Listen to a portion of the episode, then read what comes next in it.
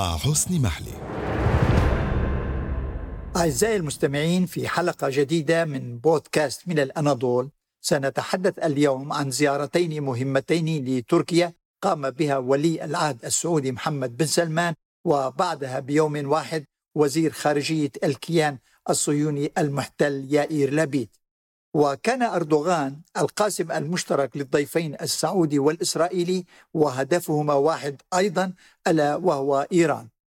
بالنسبة لابن سلمان اقتصرت الزيارة على العاصمة أنقرة ولعدة ساعات فقط ودون أن يمر على قنصليته أي قنصلية بلاده في إسطنبول التي قتل فيها الصحفي جمال كاشقشي في الثاني من تشرين الأول لعام 2018 وربما لم يفعل ذلك بن سلمان حتى لا يؤكد صحة المقولة التي تقول دائما ما يعود القاتل خلسة إلى مسرح الجريمة التي ارتكبها للتأكد من أنه لم يترك أي أدلة خلفه.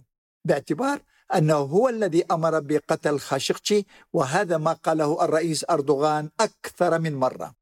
كما أنه هو الذي سلم رئيسة المخابرات الأمريكية جينا هاسبل الأدلة التي تثبت كلامه هذا عندما زارت أنقرة بعد أسبوعين من الجريمة.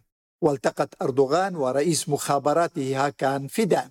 ولم يكتفي أردوغان بذلك بل سلم الملف الخاص بالجريمة للرئيس الأمريكي ترامب عندما التقى به في نيويورك أواسط ديسمبر كانون الأول 2018 واستغل ترامب بدوره هذا الملف الذي سلمه له أردوغان فابتز به بن سلمان وأجبره للتوقيع على العديد من العقود بعشرات المليارات من الدولارات.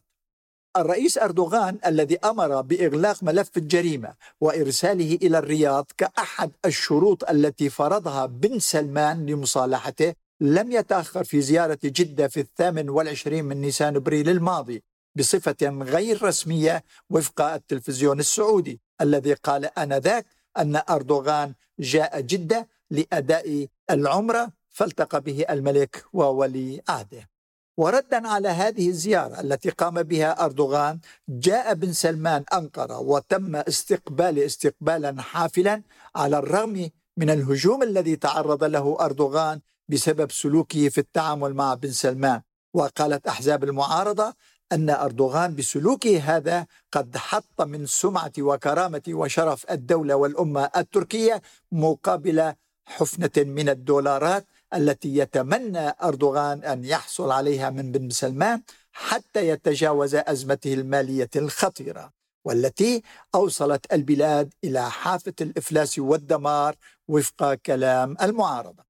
هذا في الوقت الذي بينت فيه استطلاعات الرأي التي أجريت عشية الزيارة أن 29.7 فقط 29.7 فقط أي 30% من المواطنين الأتراك يؤيدون مساعي أردوغان للمصالحة مع بن سلمان أي أن 70% من الشعب التركي ضد هذه المصالحة.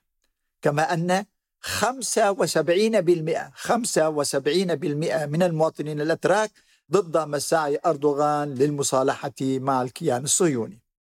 الموقف السلبي هذا ضد بن سلمان ليس له علاقة فقط بجريمة الخاشقشي بل له العديد من الأسباب التاريخية حيث يرى الكثير من الأتراك في نظام آل سعود الوهابي خطرا على المنطقة والدولة والأمة التركية باعتبار أن آل سعود كانوا أول من تمرد على الحكم العثماني عام 1795 فاستنجد السلطان العثماني آنذاك بوالي مصر محمد علي باشا فأرسل ابنه إبراهيم باشا الذي قضى على التمرد وأسر عبد الله بن سعود وأرسله إلى إسطنبول.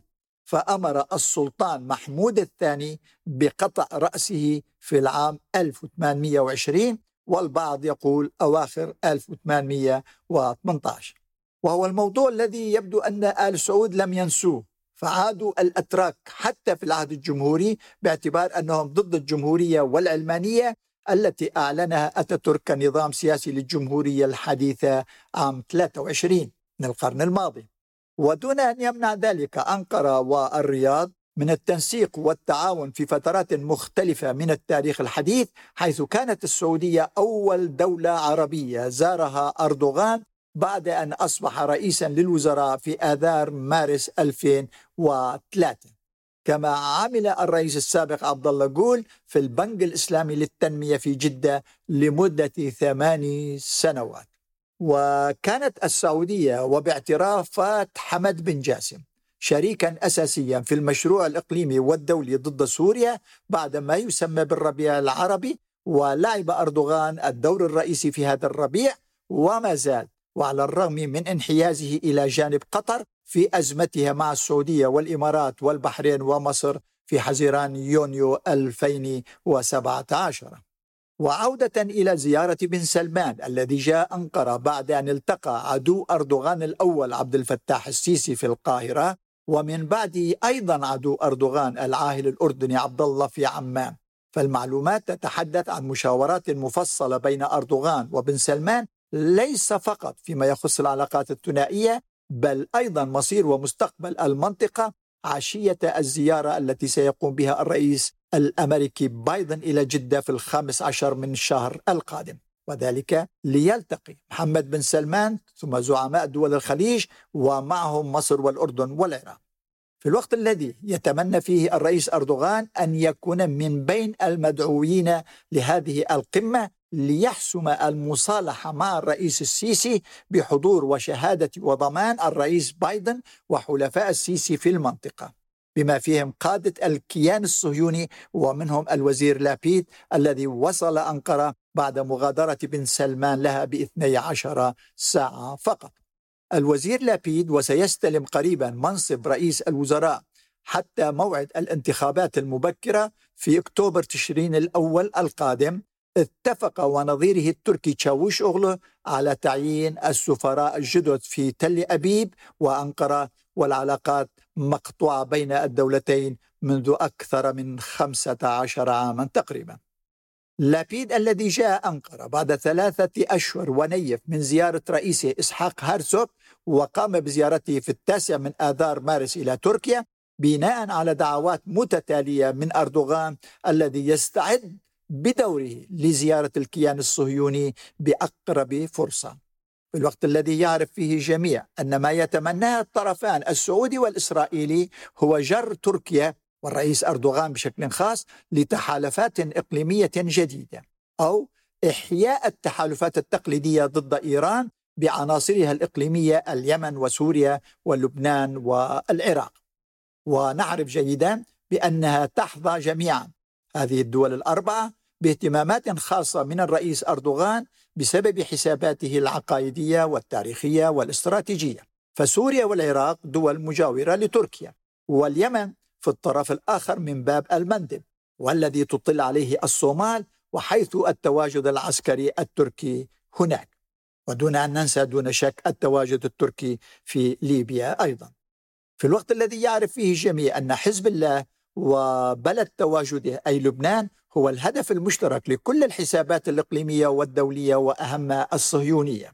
باعتبار أن حزب الله مصدر الخوف والرعب الأكبر والحقيقي بالنسبة للكيان الصهيوني الذي يعرف حكامه أن زوالهم سيكون دون أي شك على يد مقاتلي هذا الحزب والكل يتآمر عليه في الداخل والخارج القريب منه والبعيد. وهذا هو السر. كل التحركات الأخيرة في المنطقة وأهمها زيارات بن سلمان إلى مصر والأردن وتركيا وزيارة العاهل الأردني عبد الله إلى الإمارات ومباحثات الوزير الإسرائيلي لابيد في أنقرة باعتراف الجميع. أي أنه بدون تركيا لا يمكن تحقيق أي هدف من أهداف التآمر على سوريا وإيران ولبنان وهو ما أثبتته السنوات الأحد عشر منذ ما يسمى بالربيع العربي. ويعرف الجميع بأن المستفيد الأول والأخير والأكبر من هذا الربيع هو الكيان الصهيوني. والفضل في ذلك تواطؤ وعمالة أنظمة المنطقة وأراد لها ترامب والآن بايدن أن تكون في خدمة هذا الكيان. وهي ما فعلت ذلك حتى الآن وما زالت تسعى من أجل ذلك. وبدليل القاعدة التي أنشأتها واشنطن نهاية العام 2011 شرق تركيا. ومهمتها الوحيدة هو مراقبة التحركات العسكرية الإيرانية ورصد الصواريخ التي قد تنطلق من الأراضي الإيرانية باتجاه الكيان الصهيوني وإبلاغ تل أبيب بهذه الصواريخ الإيرانية حتى يتسنى لها التصدي لها قبل دخولها الأجواء الإسرائيلية. وإلى اللقاء في حلقة جديدة من برنامج بودكاست من الأناضول وحيث العجائب والغرائب بفضل استدارات الرئيس أردوغان.